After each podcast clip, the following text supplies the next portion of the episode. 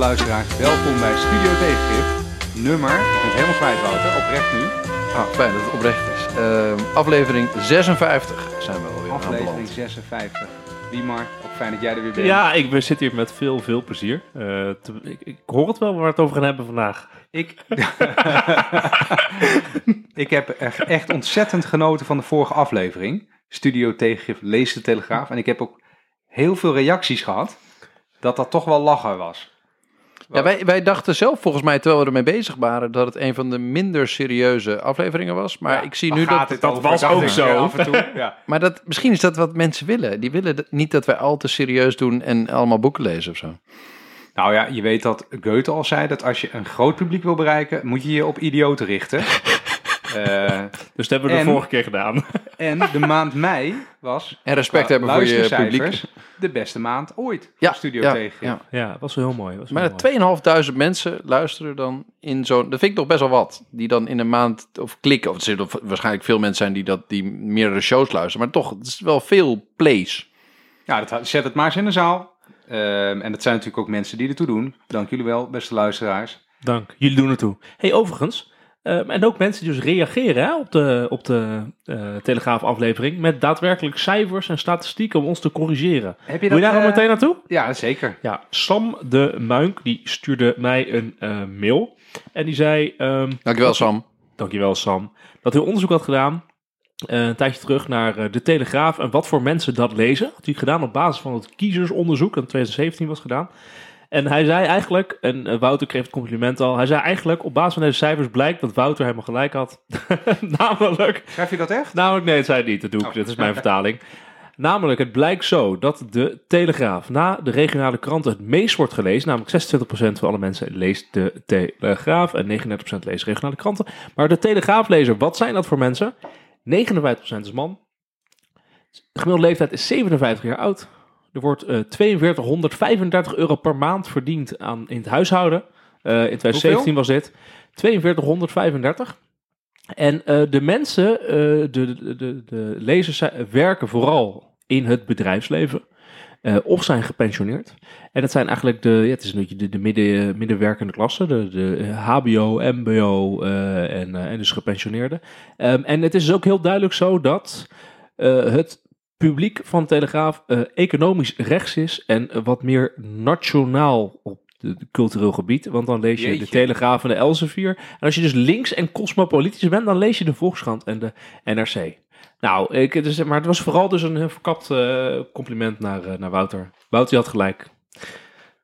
Namelijk dat telegraaflezers zijn oude rechts. nou, het is dus niet zo dat de Telegraaflezer dat de gemiddelde Nederlander is. Hè? Dus ik, ik werd daarop aangesproken. Want ik had ergens ja, gezegd van, dit dat. is, ja, dat was voor mij ook expres een beetje de... de hè? Ik probeer Nee, ik, ik hield een rant tegen het idee dat in Den Haag leeft, dat als je de Telegraaf leest, dat je dan weet wat er onder de gemiddelde Nederlander leeft. En dat, dat is volgens mij gewoon niet zo. Oké, oké, stop. Maar we gaan Want door. we gaan nu de vorige podcast overdoen. Wat Mhm. dus wel een Ja, dan, gaan, was. dan luisteren mensen wel. Dus we kunnen ook, we kunnen ook nog een keer doen. Want anders gaan we nu iets doen Nee, waar nee, niet naar geluisterd wordt. Hè? Gekte van de week. Gekte van de week. Ik wil het heel graag even hebben over de appjes van Femke. Want dat is... Nou, ik heb dat niet onderzocht. Maar mijn gevoel is dat dit uniek is. Dus de burgemeester... Iedereen heeft dit meegekregen. Dit hoef ik niet te introduceren. De burgemeester van de grootste stad... die appt met de minister van Justitie... eh, over een demonstratie die actueel eh, aan de hand is. Die niet loopt zoals het moet. Hè, omdat mensen immers geen afstand hielden. Eh, ze appen wat heen en weer. En dan twee, twee dagen later, Wouter, ligt het op straat. Ja, maandagavond en dinsdag werd er geappt. En donderdag eh, publiceerde de NOS de, en, en allereerst de VOP van de Volkskrant de, de, de appjes. En ik zat net te denken, er zou wel een nieuw tekentje voor kunnen komen in WhatsApp. Want je hebt dus van die blauwe vinkjes als je, eh, je berichtje gelezen is. Maar die, die, die appjes van Femke, die zijn wel heel vaak gelezen. Bijna een soort nieuwe kleur vinkjes. Ja, precies. Dit heb je thuis bedacht. Nee, nee, opre- oprecht denk ik het net. Nee, maar dit is, dit is fascinerend. Eh, mensen die eh, hebben die appjes waarschijnlijk ook wel gelezen, maar het komt er een beetje op neer dat Halsema die, die zegt, hey eh, Vert, eh, dat je het even weet, die demonstratie, dat, eh daar komen veel meer mensen dan we dachten en we kunnen die anderhalve meter, die kunnen we niet handhaven. Ja. En zegt Vert, oké jongen, eh, oké jongen, oké oké, meid, kan gebeuren, we evalueren het later wel. Ja, En dan, eh, dan, dan, eh, dan gaat het een beetje, dan loopt het een beetje uit de hand of zo. Dat, de Telegraaf helemaal losgaat op Halsema. Ehm, hè, die, die obsessie van hun met haar, die, die kunnen we straks nog even bespreken. En dan, dan probeert Halsema, die probeert Grapperhaus er vervolgens in te trekken. Die zegt, ja, ik wil nu publiceren dat het in rugspraak met jou is gebeurd. Mhm. En dan, dan blijft Verte even stil. En dan komt er een heel, heel verhaal, een soort feitenrelaas, eh, juridische tekst van... nee, jij vroeg toen dit aan mij en toen heb ik dit gezegd en suf en zo. Waarmee hij zich duidelijk indekt. En dan zegt Halsema, deze was voor de WOP.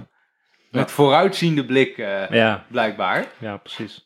precies. Ik vond het wel eh, interessant te zien. Ik vond het een beetje lastig in die eerste app dat Halsma natuurlijk doet. Ik vind het overigens goed dat ze even de, de, de, de minister informeert. Van hé, hey, hier op de Dam, eh, het wordt wat groter dan, eh, dan verwacht. Ik vind het goed dat je dat als, als bestuurders van het land doet. Dus ik ben daar heel vind het prima. Maar vervolgens denk ik van het idee wat zij voorstelt, namelijk dat je of zeg maar niks kan doen, of je moet met de politie heel de Dam leegvegen. Dat vind ik een beetje vreemd tegenstelling. Want je kan ook op podium gaan staan en zeggen, lieve mensen, let ook op de gezondheid. Misschien kan je een beetje uit elkaar. Maar vervolgens, wat die Grapperhaus reageert natuurlijk ook inderdaad op met van... ik weet dat ik gefopt ga worden... en dat het uiteindelijk dus ook op straat komt te staan, eh, komt te liggen dit allemaal. En dan voelt het wel een beetje alsof hij haar letterlijk in de kou laat staan. Ik vond het niet... Dit is Nou. niet- geen nette... eh, Dit, dit, ver- dit verwacht je niet van mensen die zulke posities hebben in Nederland... dat we op zo'n manier met elkaar omgaan. Nou, dat vond ik schokkend aan deze appjes. Hoe makkelijk hij haar voor de bus duwde toen het even eh, vervelend werd. Eh, maar ook, je hebt een soort beeld bij hoe dit soort dingen gaan. En hoe competent eh, ministers en burgemeesters van belangrijke steden met elkaar omgaan. Maar dit is gewoon alsof, alsof jij en ik eh, lopen te appen van... hé, hey, eh, wie maar... eh, ik zou eh, bier meenemen, maar eh, dat was er niet meer, dus ik heb een fles wijn meegenomen. Maar ik vind, ik vind het goed nieuws. Dus blijkbaar kunnen wij burgemeester van Amsterdam en de minister van VJ worden. Dat is relax. Het is goed te weten dat Maar het e- eigenlijk weet iedereen dat, dat het sowieso altijd al normale mensen zijn. Maar doordat je dat soort mensen een rol hebben in de maatschappij, denk je van dat ze de hele dag heel formeel doen. Dat ze Ja, zeggen, eh, nee burgemeester, nee minister. Ehm, Ja. Maar die mensen, dat zijn ook gewoon mensen die elkaar bij de voornaam aanspreken en, en whatsappen met elkaar en heel normaal doen in dat soort situaties. Maar wat ik even wil zeggen is dat, dat je, soms heb je van die momenten in het publieke debat of dat er iets gebeurt waarvan je denkt, oké, dit gaat de boel veranderen. En dat was dit WhatsApp-gesprek dat integraal op eh, de nieuwsites kwam te staan. Omdat iedereen nu snapt, oké, ehm, ieder WhatsApp-gesprek tussen bestuurders gaat openbaar kunnen worden. En dat, dat is opeens een inkijkje dat we nooit eerder hebben gehad. Dus dat, dat gaat de manier waarop bestuurders hun eigen positie zien veranderen. Ja, er wordt niet meer geappt straks. Ze ze gaan elkaar bellen. Ze gaan eh, andere...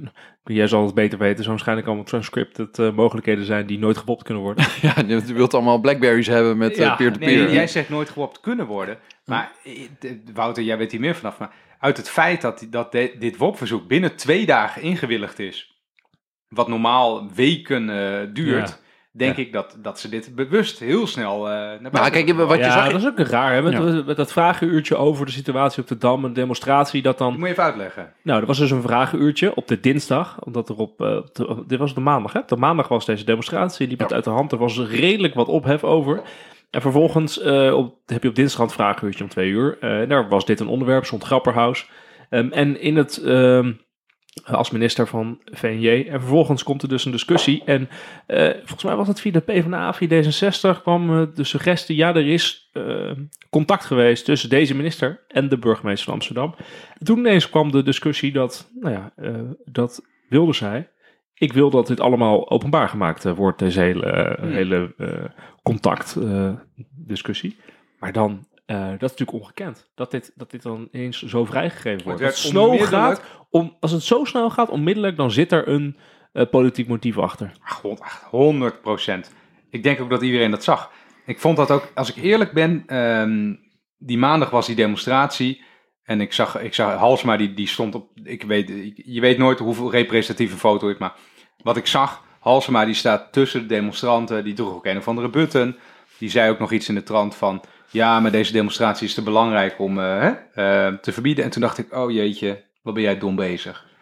Maar daarna werd er een hetze op de planken gezet tegen die Halsma. Door de Telegraaf. VVD. en de Telegraaf. Ja, ja, zeker. Ik wil Ja. even nog een complimentje aan Wouter. Wouter had de vorige aflevering over, als je Telegraaf leest, dan weet je van tevoren heel duidelijk, VVD is goed, GroenLinks is slecht. En de Telegraaf gaat er op die manier mee om. Welke Halsema is ongeveer de nemesis van Ja, de Telegraaf. Held, vijand. En dat Ja. zag je hier ook Ja. meteen. Hè? De, de, het is Halsma, het is van GroenLinks. En dan meteen, bam, gaat de Sla- Telegraaf er slachtoffer was de gewone Nederlander die zich aan de coronaregels houdt. Eh, de, de, de held was wat natuurlijk een Grapperhaus. hele bizarre vijand was vergelijking is. Halsma. Er is. Je kan niet zeggen van, oh ja, nee, weet je wat? Alle horeca weer 100% open doen is hetzelfde als met 5000 mensen op de Dam gaan staan. Dat heeft hetzelfde ziekte. Dat is, dat is een hele raar verhaal. Het was maar die opmerking, want ik zag direct dezelfde, eh, of de volgende dag zag ik direct eh, Klaas Dijkhoff met ehm, zo'n andere mevrouw van de VVD.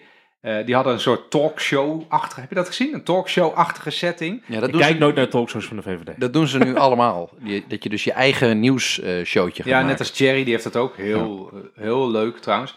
Maar goed, die hadden meteen de volgende dag zo'n setting. Demonstreren in tijden van corona. Wat kan wel, wat kan niet. Of zoiets was de titel. Ja. En toen dacht ik, jongen, dit, is, dit komt 0% voort uit oprechte bezorgdheid over de volksgezondheid. Nee. En dit is 100% een politieke hetze, waar ook allerlei bewindspersonen eh, aan meededen, tot en met eh, de premier aan toe. En daarom vond ik, en, en ik denk dus dat, eh, dat, is, dat, valt, dat valt niet uit te sluiten, dat er natuurlijk ook een soort 1-2'tje heeft plaatsgevonden tussen de linkse partijen van, ja, vraag dat appverkeer anders even op. Wat Ja, voor- nee, dit moment was voor mij het teken, de campagne is begonnen. ja, De campagne is begonnen voor de Kamerverkiezingen in 2021, Ja, in maart, vol. Dus iedereen pakt ook zijn... Je weet ook wat de positie is van de partijen hierop. Je weet Ja. ook inderdaad van het is eh, links-progressief tegen rechts-conservatief, zeg maar. Dat is de, de strijd die hier gevoerd wordt. En maar je iedereen niet te pakt die ver rol. gaan? ik vind het heel... Ik vind het ehm, te ver gaan. Ja, wel, ja. Ik vind dat eh, de argumenten werden inderdaad heel vreemd. Hè? Dus kijk, het was gewoon zo dat op het moment dat dit een demonstratie was geweest eh, van de boeren. Ik vond het een goed voorbeeld. Als er nou boeren waren geweest die gedemonstreerd hadden op Malieveld, hadden dicht bij elkaar gestaan. 100% anders Dan was er echt niet zo gereageerd. En dat vind ik eh, tekenend. Dus dat betekent dat het niet meer een objectief eh, vraag was van, gaat die fout of niet, maar het was gewoon, het was heel politiek gemaakt. En ook aan de kant natuurlijk van, eh, van, de, van, van links-progressieve kamp, zeg maar. Hè? Want ik bedoel, het is in alle redelijkheid, moet je gewoon zeggen, vijf, volgens mij waren het 5000 mensen? 5000 mensen bij elkaar op de Dam. Dat kan niet. Dat kan niet. Nee, dat is gewoon slecht voor de, Nee. voor de voor gezondheid. Moet je niet toelaten. Dus ergens heeft Halsma een inschattingsfout gemaakt. Kan gebeuren, want het had ook al hele politie in de veiligheidsregio. Dus er is een inschattingsfout gemaakt. Maar er had volgens mij wel opgetreden moeten worden. Minstens door in ieder geval op dat podium te gaan staan als burgemeester. Ja, te zeggen van, hallo lieve dames en heren. Jullie mogen allemaal demonstreren, maar we hebben ook een volksgezondheid hier. Ga alsjeblieft uit elkaar. Dat dat niet geprobeerd is, vind ik dan weer niet goed. Maar ik zit er een beetje, beetje tussenin. Eh, maar het is vooral een startschot van de, van de campagne. Dat was het volgens mij. En ik vond dit appverkeer echt een ontmaskering. Dit was Ja. toch boeiend? En ik vond het geweldig. Ik, vind, het- ik heb Lees je normaal, dit- normaal lees je dit alleen Smullen. vijf jaar later in de biografie van een van deze politici die opschrijft hoe het eigenlijk gegaan was. Nou, en nu lees je het twee dagen later. En dat vinden we, iedereen vond het fantastisch. Iedereen had gelezen. Iedereen die je kende had gelezen wat de appjes van, van eh, ik vind het mooi, want, dit, waren. want jij zegt van dit appen wij ook in de kroeg. Of, eh, hè, van, Wij appen niet zo netjes, maar joh. dit Dit- soort dingen. hier- hier zijn Ik ben woordvoerders verbaasd overheen gegaan. Hoe zegt dit ontfout aan jouw kant? Om 17.02 vandaag kreeg ik een appje van jou waarin je aangaf dat er veel meer mensen... nou, dat soort teksten, volgtijdelijkheid, juridisch ruggespraak. Het zijn dingen, geen dingen die we appen als we, Nee, nee, als we had de even de nagedacht, biertog hoor. eten. Hier is over nagedacht toen door een de- jurist en een politicus. Ja, toen kwam de afdeling damage control, die mocht even de telefoon eh, vasthouden. Dat, eh, dat zie je meteen. Ja, weet, weet je wat ik hier dus... Ik vind dit dus duidelijk te ver gaan. eh, omdat het helemaal los van de inhoud en politieke hetsen werd. Maar wat vind je het vergaan? Dat, dat eh, WhatsAppjes openbaar gepubliceerd worden? Ik vind dat Nou, ver gaan, ja. Ik vind, dit, dat ik vind dat dit niet gepubliceerd... Ik vind het onverstandig als je probeert een land te besturen en een grote stad te besturen. Dan moet je dit soort Nee. eh, contactwisselingen tussen de mensen die verantwoordelijk zijn, moet je niet openbaar maken. Ik, er is heel lang een keer, of een paar jaar terug was een keer een discussie over... eh, moet je bijvoorbeeld eh, het mailverkeer en WhatsApp-verkeer tussen politieke assistenten en Kamerleden, moet je dat niet openbaar kunnen maken? Ik zou dat dus, maken. en er zeggen mensen, dat moet je allemaal doen. Ik zou het heel onverstandig vinden, maar volgens mij leg je het hele politiek-bestuurlijke verkeer, heeft er echt onder te lijden. Gewoon door, Want wat er gaat gebeuren is echt niet, er zijn mensen die dat zeggen, het moet allemaal openbaar worden, want eh, je moet het allemaal weten. Het enige wat je hiervan gaat krijgen is dat eh, de volgende keer gaat er dus niemand meer eh, appen. Nee, dan wordt Het enige wat hier gaat alleen maar gebeuren is dat het, het contact wordt op een andere manier vormgegeven. Dus zoals je weet in de ministeries dat er niet meer eh, memo's en mails eh, rondgaan, maar er wordt een geeltje opgeplakt. Er wordt mondeling wat dingen gezegd. Dat gaat hier ook gebeuren. Dus er gaat de volgende keer als dit gebeurt, eh, wordt er gebeld. Als Ja. dat niet meer kan, dan gebeurt er wat anders. Dus je wint hier vrij weinig mee en je verliest heel veel. Namelijk, je ziet de bestuurlijke elite totaal op zijn bek communicatie. gaan. Communicatie eh, sneuvelt hier. En wat hij ook sneuvelt is dat, eh, nu is het Femke Halsema die, eh, die zo'n fout maakt. Maar de volgende keer is het een rechtse burgemeester die dan door links eh, het mes erin gedrukt krijgt. Je, je moet toch ook een bepaalde mate hebben waarin je af en toe een beoordelingsfout mag maken. Zonder dat meteen tot en met de premier en de minister van Justitie aan toe ehm, je, je meteen gekild wordt.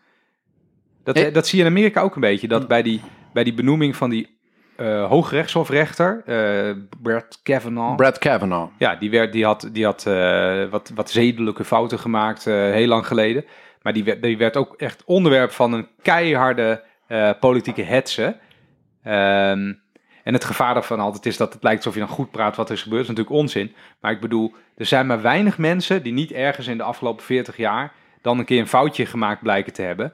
En dan wordt het de, de ene naar de ander gaat dan sneuvelen. Snap je? Het komt de stabiliteit van het systeem niet Nou, wat, wat, wat je ziet is dat, dat wat ik somber vind aan een Nederlandse bestuurlijke cultuur, eh, en ik ga zo'n bruggetje bouwen naar het echte onderwerp, is dat... eh ik kon Zit nog- je er klaar ik, voor? ik, ik, ik, ik, kon, ik kon nog vast even een bouwproject aan. Eh, bouwproject, dat, ja, eh, dat, dat de voornaamste zorg van bestuurders soms is niet sneuvelen. Dus Ja. dat, de, de- het, het- je, komt, je bent een hele carrière bezig en dan heb je echt, nou ja, burgemeester van Amsterdam, dat is echt een van de aller, allermooiste banen in Nederland. En minister van Justitie is denk ik voor een jurist als Grapperhaus ook echt wel een summum van je carrière. En waar die mensen daarna heel veel mee bezig zijn, is eh, oppassen op de, op de luikjes die misschien openstaan, zodat je valt.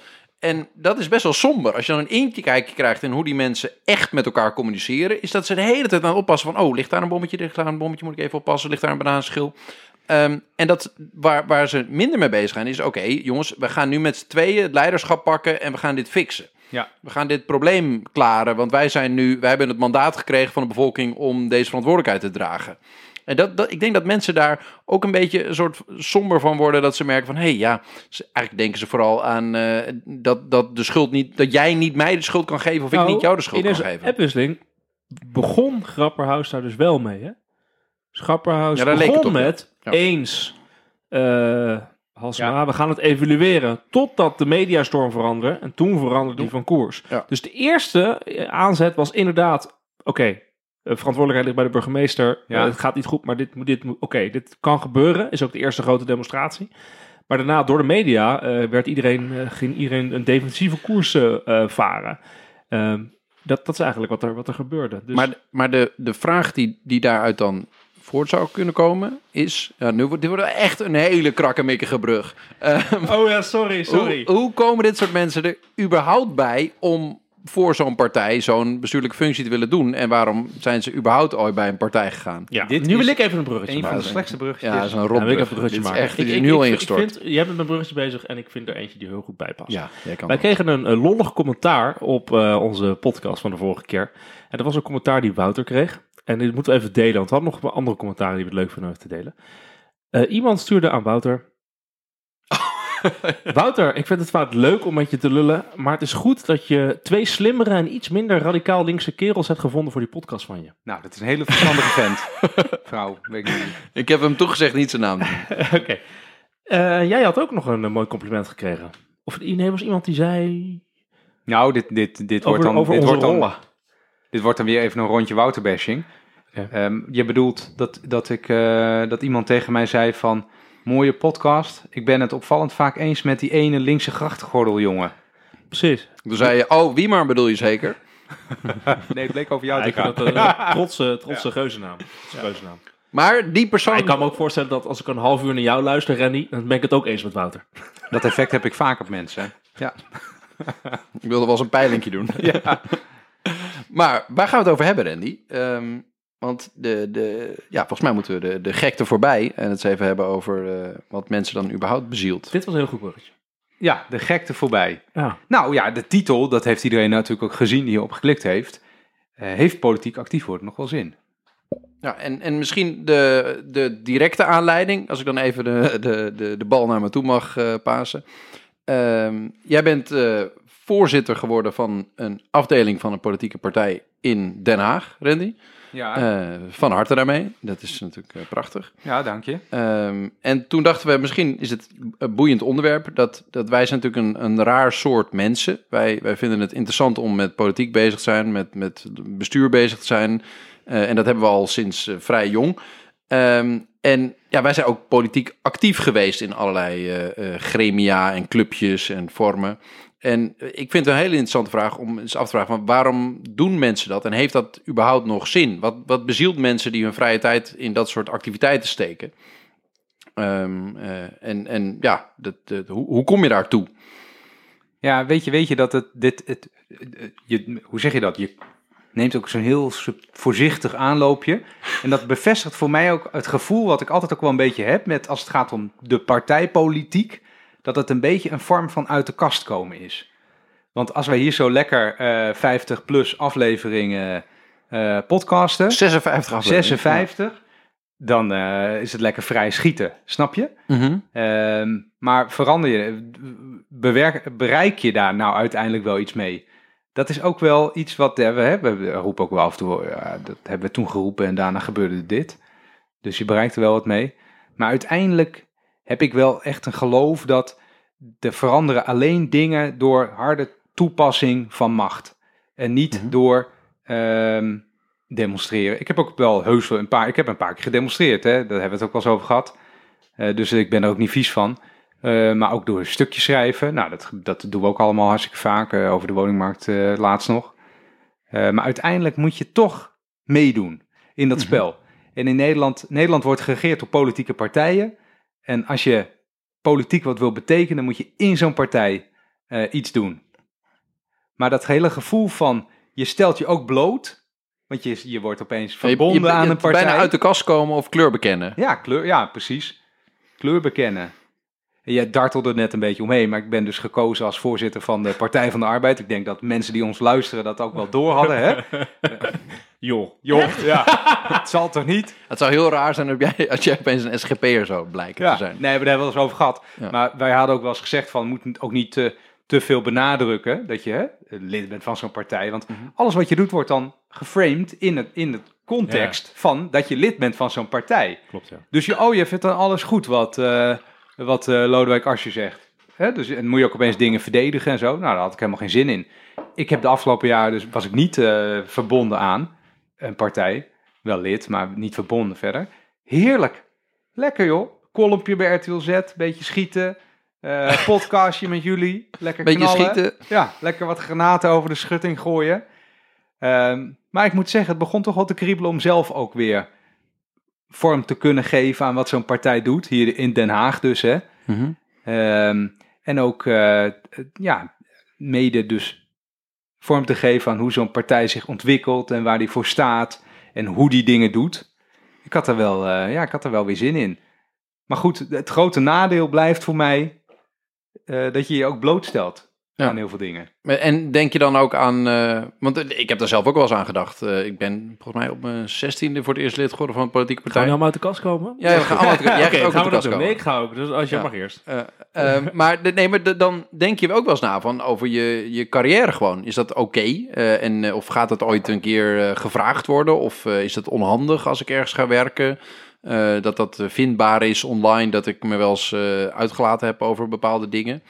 Um, en ook zelfs, weet ik wel, bij, bij uh, familiefeestjes of zo. Ik ben soms bij, bij ik, ik, weet nog wel dat ik bij mijn schoonfamilie was op de kerst kwam. Nou, dan moest ik altijd met de politieke oom gaan discussiëren. Want ja, Wouter die had wel eens wat bij politieke partijen ja, gedaan. Ja, iedere familie heeft zo'n ja, oom. En dan hebben ze weer zo'n PVV-oom en dan zit je dan weer de halve avond daar vast. Um, want, want, want je bent wel eens politiek actief geweest. Um, uh, dus het, is ook, het is echt een soort uit de kast komen. En wat, ding, ik, wat ja, ik juist raar zo. vind, en dat je ook in vriendengroepen, dan, dan, uh, de, vriendengroepen vinden het soms wel een beetje lollig om wat denigerend te doen over die gekke politici. Dat is gewoon grappig, een beetje memes delen en zo. Um, en dan ben jij altijd die ene persoon die bij die club iets heeft gedaan en dus daarop aanspreekbaar is. Ja, nou weet je wat voor mij dus wel, kijk dit, dit zijn dan even, dit zijn de minpunten hè, waar we nu even op inzoomen. Eh, maar wat mij eigenlijk geïnspireerd heeft, is de oprichting, en niet, alleen het moment, maar hè, alles wat er omheen gebeurt, van Forum voor Democratie. Want dat is dus, eh, je had daarvoor dan de PVV, op een of heb je in Nederland zo'n sequentie van rechtse populistische partijen. Ehm, en de LPF was een heel gek baksel. En de PVV was misschien een nog vreemdere creatie. Maar Forum voor Democratie, gewoon een, echt een ouderwetse, oerrechtse partij. Eh, veel rechtser dan eh, de VVD nog. Conservatief, of cultureel rechts, conservatief, economisch, ontzettend rechts. Maar die richten gewoon een klassieke politieke partij op. Met een, eh, met een ledenbasis en met een partijbestuur. En met een jongerenorganisatie. En met een opleidingsprogramma. Wetenschappelijk bureau. Ja, nou, ik dacht dat is gewoon. daar heb ik natuurlijk wel eens vaker over nagedacht. Van, is dat hele systeem van de politieke partij. Heeft dat dan nog een toekomst? Leeft dat, kan dat nog blijven leven? Ja, blijkbaar wel. Het ligt echt niet aan die vorm. Ehm vorm is volgens mij nu. De grootste partij, ik heb het even opgezocht. Alle partijen in Nederland hebben samen ongeveer. Jij hebt het, het documentatiecentrum Politieke Partijen, dat, dat zit in Groningen en die houden dat bij. En die publiceren af en toe stukjes over wat mensen beweegt om wel of niet lid te worden van een politieke partij. Maar er zijn maar 316.000 mensen überhaupt lid van een politieke partij in Nederland. Dus Sterker nog, het is dus zo erg dat, dat had net even bij de voorbespreking over. Op het moment dat mensen dus eh, in een kamer, tweede of eerste kamer komen of in een gemeenteraad, provinciale staten, dat dus mensen voordat ze op zo'n lijst komen, dat ze eigenlijk nog lid gemaakt moeten worden. Hè? ja, zeker. Voordat ze zeker. gevraagd wordt. Dus je hebt nu over Ja. een lijst eh, van, nou ja, volgens mij is ongeveer 2% van de Nederlandse bevolking is dus inderdaad lid van de politieke partij. Het zijn vooral oudere mensen. Eh, jonge mensen is het eh, minder. En als het jonge mensen lid zijn van de politieke partij, zijn het vaak hoogopgeleide types die eh, daarna nou, iets in die o- o- hoe noem je dat, omgeving willen gaan doen. Eh, Mhm. Maar het, het- ja, het, ik, ik, ik ben ook voor dat je lid wordt van een politieke partij. Ik weet niet waarom. Dat Maar weet jij lid van een politieke partij? Wanneer, waarom? Waarom? Waarom? Omdat ik vind dat... Kijk, ik ben iemand die, eh die zoiets heeft van... je moet iets willen doen voor je, voor je land, voor je economie, voor je, voor je maatschappij, voor je samenleving. En dat moet je doen met eh, bepaalde waarden. En mijn waarden liggen dichtstbij het gedachtegoed van de Partij van de Arbeid, ben ik achtergekomen. Ehm, dus dan word je lid van een politieke partij en dan ga je er ook mee aan de slag. Dus ik ben ook mijn eerste baan was voor bij de Tweede Kamerfractie van de Partij van de Arbeid. Als, als eh, fractiemedewerker. Ja. Dus ik heb ook hier in de Haagse afdeling van de jonge socialisten heb ik in het bestuur gezeten. En ook de Haagse PvdA-afdeling heb ik in het bestuur gezeten. Eh, ik heb hier eh, bij de gemeenteraad als fractievertegenwoordiger dingetjes gedaan. Eh, dus ik vind dat je dan ook, weet je, je kiest ervoor van bepaalde waarden lig je. Je wil je de wereld ietsje mooier maken. Eh, of het nou je land of je stad of je provincie is of je directe omgeving. En dan ga je erbij aan de slag. Maar dan moet je wel lid zijn van een politieke partij. Maar je bent een grote uitzondering. Want eh, veel eh, mensen doen dat natuurlijk niet meer. Die denken, ik kan beter Ja, invloed hebben dat er- ik buiten denk- zo'n partij. Dat klopt, dat klopt. Maar ik denk ook dat er een soort familiegeschiedenis er wel in zit of zo. Of een soort, soort opvoeding. Dat zit er denk ik wel bij. Want dat, dat, dat is, Dat mijn het tot, is tot de helemaal- je moet- opties je wordt behoort. lid- Nee, Dat- maar ook van je wordt lid van een, van een politieke partij. Je, ga, je gaat ergens voor staan en je gaat dus mee aan de slag. Dat, dat is iets wat ik heb meegekregen. Ja. Ja, ik, ik herken het wel, maar je merkt sowieso, het zijn steeds minder mensen. Forum voor Democratie is nu de grote partij met, met 42.000, bijna 43.000 leden. Dus dus nog niet een arena vol. Terwijl in de jaren 70 had het CDA dus gewoon nog honderdduizenden leden.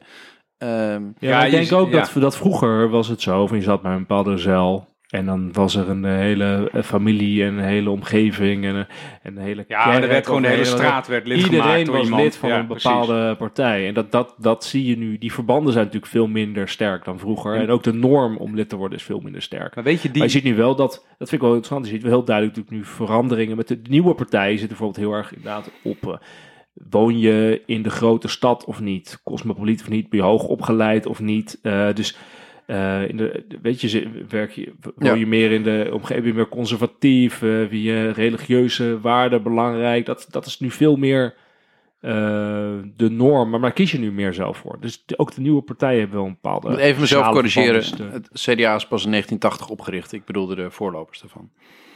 ja, is nee, maar dat, dat hadden, we, hadden we natuurlijk wel door. Maar als je ook foto's ziet, ja, weet je, we, Die ik zalen waren vol toen. Ja, joh. jongen, dat werd in, in voetbalstadions gehouden. Maar eigenlijk ehm, heb ik het gevoel dat dat... Het is de geschiedenis, en geschiedenis is altijd relevant, Wouter. Dat eh, kan ik tegen jou zeggen. Maar dat voelt gewoon als een, als een grijs verleden. Is ook Ehm, zo. Dat staat los van wat er nu gebeurt. Ik geloof ook niet dat mensen die zeggen van ja, je moet weer zo'n grote ledenpartij worden. Nee, dat is onzin, En denk eh, ik. de- iedereen moet lid worden. en Waarom is dat onzin, zo'n ledenpartij? Omdat, ik, omdat, nee, een ledenpartij is niet onzin. Want ik vind het belangrijk dat er leden zijn, dat mensen in een vereniging proberen eh, samen voor bepaalde waarden en overtuigingen te gaan staan. Alleen, eh, vroeger was het veel meer de norm dat je dus lid werd van een politieke partij. En dat als je vroeger de norm was dat je lid werd van een sportvereniging, van een kerk en een bepaalde... eh, vaste eh, was. verbanden. Vaste verband, dat is nu minder. Hè? Dat, dat is gewoon, je, je kiest af en toe, steun je even dit initiatief. Of eh, je, je- het is gewoon anders geworden. Je, je hoeft je niet meer vast te leggen. Willen mensen ook niet meer. Dus, en vroeger moet je je ook voorstellen, er waren natuurlijk heel veel mensen die lid waren van een politieke partij, maar er nooit iets mee gingen doen. Hè? Dus het partijkader in die Ja. zin, de, de mensen die echt actief zijn, is natuurlijk net zo groot als 50 jaar geleden. Er zijn niet meer functies of minder functies bijgekomen. Dus de mensen die het vervullen Ja, is even dat groot. Zo. Dat is zo. Dus, dus heel, vroeger had je ook heel veel mensen die lid waren, maar die niks eh, deden in die zin. Nee, dat Dat klopt. vergeten mensen Dat wel klopt. Alleen, Jij kijkt heel moeilijk, Wouter. nu. Je kijkt heel, Nee, heel ik, moeilijk. zat net, ik maak zelf altijd een indeling Dus- in mensen die lid van een partij zijn tussen drie groepen. Je hebt mensen die hebben vertegenwoordigende functies. Ze zitten ergens in een raad of die zijn eh, eh, wethouder of die zijn eh, Tweede Kamerlid of iets in de Staten. Ehm, je hebt mensen die actief zijn, die in commissies, clubjes, bla bla zitten. En je hebt leden die gewoon lid van een politieke partij zijn en verder daar niet zo heel veel mee doen. Ehm, en dat zijn hele verschillende soorten mensen. Ik was zelf nog niet gezegd, ik ben lid van, eh, van, van GroenLinks en van de PvdA, allebei. En eh, dat heb je bij allebei, hele groepen, het grote groep van die. Maar ik denk dat vroeger inderdaad dat je veel grotere groepen hadden van mensen die ergens, omdat hun papa dat, of mama dat waren, eh, lid worden van zo'n politieke partij. En voor de rest daar nooit meer wat mee doen. En nu zijn er volgens mij veel minder mensen die dat als een normaal eh, stap in hun leven zien. Van, eh, ik, ben, ja, ik word op een gegeven moment lid van de vakbond, dan word ik ook lid van zo'n politieke partij. Ja, Of ja, ik ben ja. ondernemer, dus ik word lid van de politieke partij. Of ik hang dit eh, geloof aan, politieke partij, punt. En dat, dat, dat zijn er veel minder geworden. Nu zie je volgens mij veel meer mensen die, die een soort bepaald profiel hebben. En die dan dus lid worden van een politieke partij. Want dat is mijn hobby, dat vind ik leuk. Het is meer een soort hobby. Jij bedoelt, ja, ja, ja, ik snap wat je bedoelt. Maar dit is, ehm, dit is de sociologie erachter. Hè? Waarom worden mensen Ja. wel of niet, niet lid? En wat, ehm, wat misschien een inzicht is, wat ik dankzij deze podcast ook heb gekregen, dat als je wat wil bereiken in politieke zin, dan moet je dat denk ik toch in georganiseerd verband doen, gericht op het krijgen van politieke macht. Ja, natuurlijk. Is ook zo. Ja. En dat, dat, dat, dat is nou helemaal een politieke partij. Hoe je, hoe, je dat, Ja. hoe je dat ook wendt of keert. Klopt. Ja, ik, ik zeg dat wel, want je hebt dus wat, ik nog niet genoemd had, is dat wat het SCP ook vaak waar- waarneemt, is dat er dus steeds meer eh, groeiende one-issue bewegingen zijn. Dus je hebt wel, de partijen worden steeds kleiner, maar je hebt langzaam oppoppende bewegingen rondom een bepaald issue. Bijvoorbeeld dat, nu heb je die Black Lives Matters beweging. Ja, ja, dat zijn ontzettend veel dat mensen is precies wat ik net zei. En de wordt- klimaatbeweging, Je wordt, je wordt lid one van issue. een bepaalde one issue. Alleen het probleem is, als je een politieke partij bent en je wil een... een eh, laten we het voorbeeld van... Als je wil een land besturen, kan je niet one issue zijn. Nee. Want je moet op alle onderwerpen Nou, een is de standpunt PVV hebben. toch redelijk goed in. Die besturen ook geen land. Nee, maar ik Dus de, voorspel de je... partijen die een land op dit moment besturen en die in een regering willen, die moeten ook een programma maken eh, wat, wat over de hele breedte gaat. En als ze dat niet maken, dan moeten ze wel met die standpunten komen als ze eenmaal eh, aan het regeren zijn is, of aan het ik, controleren zijn. Dat is ook de reden, en dat, dat meen ik nu al een beetje te zien, dat die eh, one-issue partijen, die, zijn, die hebben het heel moeilijk. Want die, hebben, die worden gedreven door hun, hun, hun one-issue. Maar daarbuiten word je gedwongen, door hoe het systeem werkt, om allemaal standpunten in te nemen. Je kan niet alleen maar voor ouderen zijn of eh, eh, Partij voor de Dieren. Je moet allerlei andere onderwerpen ook eh, een, een mening over hebben. Klopt. Dus ik denk, dat durf ik wel te voorspellen, dat het hele, die hele periode van de one-issue-partijen, die gaan we nu weer achter ons laten in Nederland. Want je ziet ook bij dit soort crisissen, dat als je als land of als, als, als volk, dat is een beetje een gek woord, eh, als je sturing wil geven aan je eigen toekomst, dan kan je niet alleen maar opinies hebben, steeds. Of Ja. eh, iets vinden van dit en dan iets vinden van dat. Je moet georganiseerd daarmee bezig gaan om zelf... eh, Je kan niet alleen politiek maken met een probleem benoemen en het beter benoemen, anders benoemen, maar je moet een plan hebben om het op te lossen. Ja. Nee, nog veel meer. Je moet alleen een plan hebben om het op, op te lossen. Je moet moet, dat ook een organiseren. campagne voeren, je moet er steun voor verwerven. Je hebt mensen nodig die het voor je willen doen. Dus je moet inderdaad steun voor gewerkt, maar ook or- organisatie moet er ook Snappen hoe het werkt. Snappen hoe het werkt. Dus je hebt, je hebt kennis nodig, je hebt eh, steun nodig van de, van, de, van, de, van de bevolking, zeg maar. Je hebt mensen nodig die het tot uitvoering kunnen brengen. Het zit een hele... eh, in die zin is het natuurlijk wel interessant. Dat vind ik het leuke aan, aan politiek, dat je eigenlijk... dat het zo breed is. Want je moet... En zit je op media, en je zit op inhoud. eh, En je zit op, je moet mensen eh, be- beïnvloeden. Ehm, eh, en dat is, dat is een, range Ook nog een beetje leuk dingen. zijn. Precies. En Dus je zou is- bijna zeggen, er moet een soort organisatie zijn die al die dingen regelt. Zodat je Politieke dat partij. hebt. Ja. Nee, Nee, maar hoe, hoe kijken jullie dan dat... eh, ik, de, alle vragen schieten mijn hoofd. Maar, maar wat ik, ik heb ook even opgezocht welke jongere partijen nou het grootst zijn in Nederland. En dat, nou, dat verbaast me heel erg dat, dat de SGP-jongeren samen met daarna de FVD-jongeren de grootste zijn. Daarna D66 en de Partij voor de Dieren. Ja, Ehm, de SGP, dat is traditioneel. Hè? Die, worden, die worden, eh, hoe zeg je dat? die worden op hun 18e lid Ja, nee, maar daar geldt nog Nee, ja, dat worden oude, lidgemaakt, dat, ja. dat traditionele manier van denken. Namelijk, je groeit op in een gezin en met een bepaalde geloofsovertuiging. Ga je naar een bepaalde kerk, je wordt lid van een bepaalde politieke Mhm. Ja, ja. partij en dergelijke. Die SGP zitten is nog het aan die laatste zeiltje van Nederland. Dat is een klein zeiltje. Eh, Nou, zijn, ja, maar de, die op de oude Ze zijn ook gegroeid hoor, de afgelopen. Ja. Ja, Nee, maar precies. kijk- maar die werken nog op die manier, zeg maar. Je had laatst ook zo'n documentaire van eh de tegenlicht over eh, Conservatieve, de conservatieve revival. Ja, nou, eh, ik geloof zeker dat er een conservatieve revival is. Eh, maar die documentaire die volgde dan één SGP-jongere notabene. Denk ik, ja, als Ja, nou die deed dan, niet een die deed dan revival alsof is, dit de nieuwe dominante groep van Nederland was. Ja, Ja, dat is dat is natuurlijk gewoon niet waar. Met Ja, z'n team. Gelukkig niet, zou ik zeggen. Nee, maar wel nogmaals, ze hadden dus, ik had het veel interessanter gevonden als zij die forum eh, eh, jongeren gevolgd hadden. Maar daar... Die mogen niet meedoen aan een eh, VPRO-documentaire. Nee, dat, zal de reden zijn ook, inderdaad. Maar dan moet je zo'n documentaire misschien gewoon niet maken, als je hem niet kunt maken. Maar wat je daar wel een beetje ziet, is die, ehm, dat echt dat kader bouwen, wat zij doen.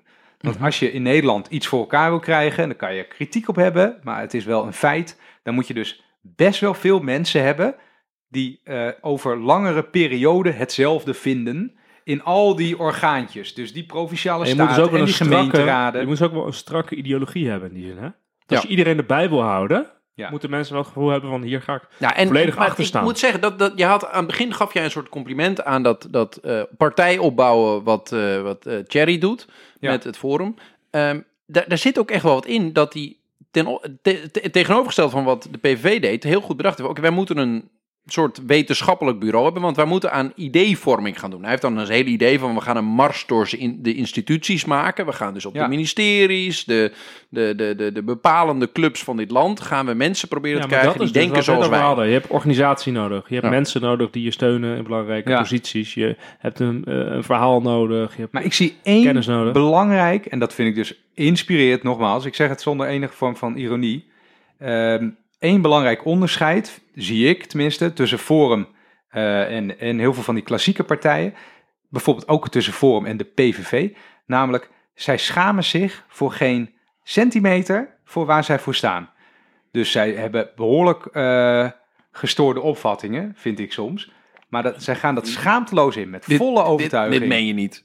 Ze schamen zich daar niet voor. Zie je toch? Nou, ja, ja, zo, nee, je hebt, je ik- hebt de af- grachtengordel, jongen. Die is hier. Ja, Ja. gechoqueerd. Gechoqueerd. Nee, maar dit, dit, nee, dit is niet de grachtgordel in mijn achterhoofd die spreekt. Ik heb ook helemaal nooit... Ik ben in, echt een, ik ben in Amsterdam-Oost geboren. Nee, maar weet je, Ja, ja, la- ja, laat me toelichten. Een beetje te klooien, Wout. Laat Nee, me, toe, laat me Nee, maar, toelichten. nee, nee, maar die, weet je nog die apps over die, eh, die antisemitische berichten eh, eh, die in al die eh, FVD-apps uitlekten en die racistische berichten die uitlekten? Natuurlijk schaamden die lui zich ervoor. Dit, dit, wat je zegt klopt gewoon niet. Ja, maar, die, Nee, maar raci- dat... was ook niet het standpunt van de partij. Nee, maar er werden allemaal racistische dingen in die apps gezegd. En dat dat Nee, was wel een redelijke kijk, correlatie. Wat ik, wat ik eh, bedoel is dat bijvoorbeeld Baudet ergens in een of andere show gewoon zegt... eh, VVD en CDA zijn linkse partijen die de vernietiging van Nederland nastreven. Hij gelooft dat. Hij gelooft dat. Hij zegt het ook gewoon. Hij staat ervoor. En wat mij altijd een beetje... En wij hadden zelf ook een beetje in onze aanleiding... dartelden er wel een beetje voorzichtig naartoe. Eh, wat ik bij de klassieke partijen altijd toch een beetje merk is... ook een beetje gêne voor waar je eigenlijk voor staat. En dat je een beetje Ja. een hoeder van de status quo bent geworden. Dus als je dan aan een Ja, ja. Partij van de Arbeider eh, zou vragen: ben je voor gelijkheid?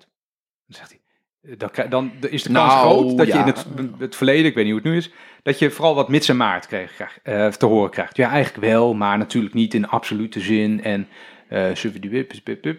allemaal ingewikkelde nuanceringen. Terwijl waar je eigenlijk voor staat is, eh, je, hebt een, je hebt een socialistische visie of een sociaal-democratische visie. Maar die woorden die zijn al vies. Hè? Dat durven mensen niet eens over zichzelf te zeggen. En als je niet, ik zeg niet dat je er trots op moet zijn, dat vind ik ook altijd een beetje vreemd woord. Maar als je niet gewoon 100% durft te staan eh, voor waar je voor staat. Ja, dan ben je dan het eigenlijk, niks. Dan ben je, het maar dan ben je ook een, een, een vertegenwoordigende rol, denk ik, minder waard. Tenzij je puur bestuurder bent, maar dan ben je het een is soort wel manager. belangrijk dat je zeg maar inderdaad, je moet volledig willen staan voor je partijkoers. Hè? En je wil dus ook, en dat vindt Rennie belangrijk, je moet ook niet de status quo willen verdedigen. Nee, Overigens zijn er natuurlijk politieke partijen die dat wel doen. Hè. Er zijn genoeg politieke partijen die met allemaal eh, moeilijke uh, met afleidingsmanoeuvres eh, eigenlijk gewoon proberen de status quo te verdedigen. Bijvoorbeeld VVD. Ehm, en ehm, je hebt ook partijen die echt wat willen, anders willen doen. Ja. De- de- Maar is dat, is dat dan Oh. waarom mensen bij politieke partijen gaan? Dus dat, die, die groeiende partijen zijn eigenlijk allemaal partijen, eh, veel partijen, Ja, waarbij ik- ik ben er- jonge ik mensen denk dat- denken van ik jongens, we gaan de boel eens even veranderen. denk ik Ja. dat de hele groei van het aantal partijen in Nederland, dat dat niet alleen te maken heeft met dus dat mensen niet meer traditioneel gewoon op een partij stemmen, omdat hun ouders het ook deden, ze een bepaalde eh, hoek eh, opgroeien. Maar ook omdat dus, ja, je hebt zelfstandigheid, eigen keuze, vrijheid. En eh, mensen gaan partijen kiezen, maar er zijn ook partijen die tegen de status quo eh, zijn. Daar, Ja. ga je, daar ga je voor stemmen. Dat wordt, eh, ja, tuurlijk. Dat, en dat is ook eh, eigenlijk de uiting die je nu ziet met die vele partijen. En wat, ja. Nee, wat, wat, wat het bij mij, wat ik aan, waar ik aan moet denken, is bij links de gêne om. Die heeft jarenlang geduurd en nu zie je dat een beetje veranderen. Dat vind ik een heel goede ontwikkeling dus. Maar de gêne om over het economisch systeem te praten. Ja. Over het kapitalisme, het neoliberalisme. Want de, de fundamentele bestaansreden voor linkse politiek is om het kapitalisme een beetje te beteugelen. Ja. Omdat de sociale consequenties van ongebreideld kapitalisme, die zijn onaanvaardbaar. Maar daar, als je daar 30 jaar niet over durft te praten, is een over de reden waarom je bestaat, Ja. ja. dan verwater je natuurlijk. Maar het heeft ook te maken met, eh, zorg je er nog voor dat er voldoende denkkracht in je partij wordt georganiseerd? Weet je, om je verhaal strak te hebben. Dat vind ik wel... Ja, eh, nou, dat is een je groot merkt probleem. Dat, dat, Ja. dat is een groot probleem bij traditionele partijen. Dat je je afvraagt van... Een tijdje voor, eh, zie je dat de mensen die de leiding hebben in zo'n partij... Dat je nog afvraagt van, oké, wat is hun ideologische basis, zeg maar nog? En zie je wat wetenschappelijk bureaus die daar proberen eh, nog wat nieuwe energie in te gooien. Eh, maar dat gaat een tijdje losweken. Dat is Ja, je had net Hey, ik had een, zal ik een, ja, zal ik een mooi verhaal vertellen? Vertel. Ik vertelde Anekdote. dat ik, ik heb ooit een keer toen ik eh, denk, een jaartje of 21, 20 was, een keer bedacht van voor welke partij wil ik actief worden. Heel lang allemaal heel lang gelezen had, echt heel lang gelezen. Jeetje, Toen heb ik echt eh, allemaal verkiezingsprogramma's zitten doorlezen.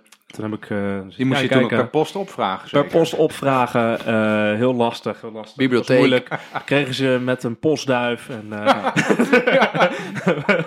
met ganzen weer eh, geschreven verkiezingsprogramma's.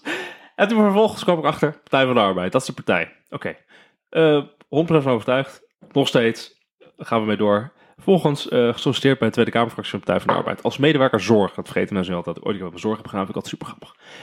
Vervolgens gaan we naar... Dus, Even zijn profiel verbreden hoor, mensen. nou, dus ik weet ook andere dingen dan doorrekenen voor verkiezingsprogramma's. Eh, dus, eh, en toen had ik een heel leuk gesprek met de hoofd van de beleidsafdeling. En, eh, en toen ik daar binnenkwam, want die moet dan een soort van met, doen. met stemmetjes graag, ja. Met stemmetjes. Maar die vertelde mij het volgende verhaal. Vond ik wel mooi. Dat was iemand met ervaring. Die zei, Wiemar, je komt nu Wiemar. bij de Tweede Kamer te werken. En in de Tweede Kamer moet je goed opletten. Dit is geen gewone werkomgeving. Dit is een bijzondere werkomgeving. Je komt nu in de wereld van de politici terecht. Je moet goed onthouden, er zijn drie soorten politici. Eén. De eerste soort politici, en dat zijn er veel. Dat zijn politici die zijn een beetje ideologisch dichtgetikt. Dus die hebben een heel sterk idee hoe de wereld eruit moet zien. En je moet met ze te vriend blijven, maar je moet goed onthouden. Met hen valt lastig compromissen te vinden, weg vooruit te vinden, maar je moet er een meerderheid vinden. Dus weet dat. Groep nummer twee. Ook een hele grote groep. Zijn politici die toch wel heel erg bezig zijn met hun eh, eh, eigen ego. die vinden zichzelf nogal eh, bijzonder, knap, slim en dergelijke. en willen daarom een politieke functie, want dan schijnt het licht van de wereld op zijn en komen ze in de media. En daarnaast heb je nog een hele kleine groep politici. En die moet je zien te vinden. Dat zijn politici die hier zitten omdat ze echt Nederland beter willen maken.